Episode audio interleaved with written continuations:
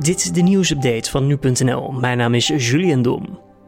Het RIVM meldt donderdag 5658 nieuwe positieve coronatests. En dat is wederom een stijging ten opzichte van de dag ervoor. Het aantal coronapatiënten in ziekenhuizen is wel iets afgenomen. Dat zijn er namelijk 76 minder dan gisteren. Honderden wilde vogels zijn in de afgelopen weken gestorven aan de vogelgriep. Het grote aantal besmette wilde vogels vergroot de kans dat pluimvee, ondanks de ophokplicht, met het virus besmet raakt.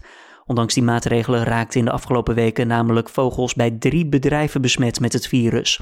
Twee Gelderse pluimveebedrijven en een Groningsbedrijf moesten vervolgens worden geruimd.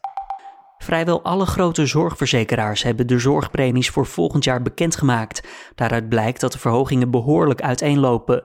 De premie voor de meest gekozen basisverzekering ligt tussen de 124,45 euro en 129,60 euro.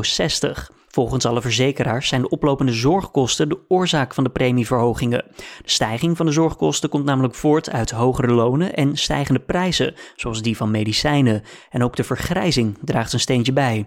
De impact van de coronacrisis op de zorgkosten is nog wel beperkt, doordat veel reguliere zorg kwam te vervallen. De autoriteiten in België en Duitsland zien langzaam tekenen van vooruitgang in de strijd tegen het coronavirus. In Duitsland vlakt de curve af en ook in België blijft het aantal nieuwe besmettingen en ziekenhuisopnames dalen. Wel wordt benadrukt dat mensen de maatregelen in acht moeten blijven nemen om te voorkomen dat ziekenhuizen de komende weken alsnog tegen hun grenzen aanlopen. De rechtbank in Breda heeft donderdag zes maanden cel opgelegd aan Klaas Otto voor het beïnvloeden van getuigen. De oprichter van motorclub No Surrender werd hierbij geholpen door zijn advocaat, Jan-Piet van R. De advocaat kreeg daarvoor twee jaar cel opgelegd.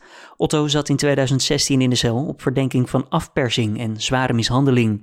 Hij wilde dat twee getuigen hun verklaringen zouden aanpassen en intrekken en probeerde dat voor elkaar te krijgen via geschreven berichten die hij vervolgens meegaf aan zijn advocaat. En dit was dan weer de nieuwsupdate van nu.nl.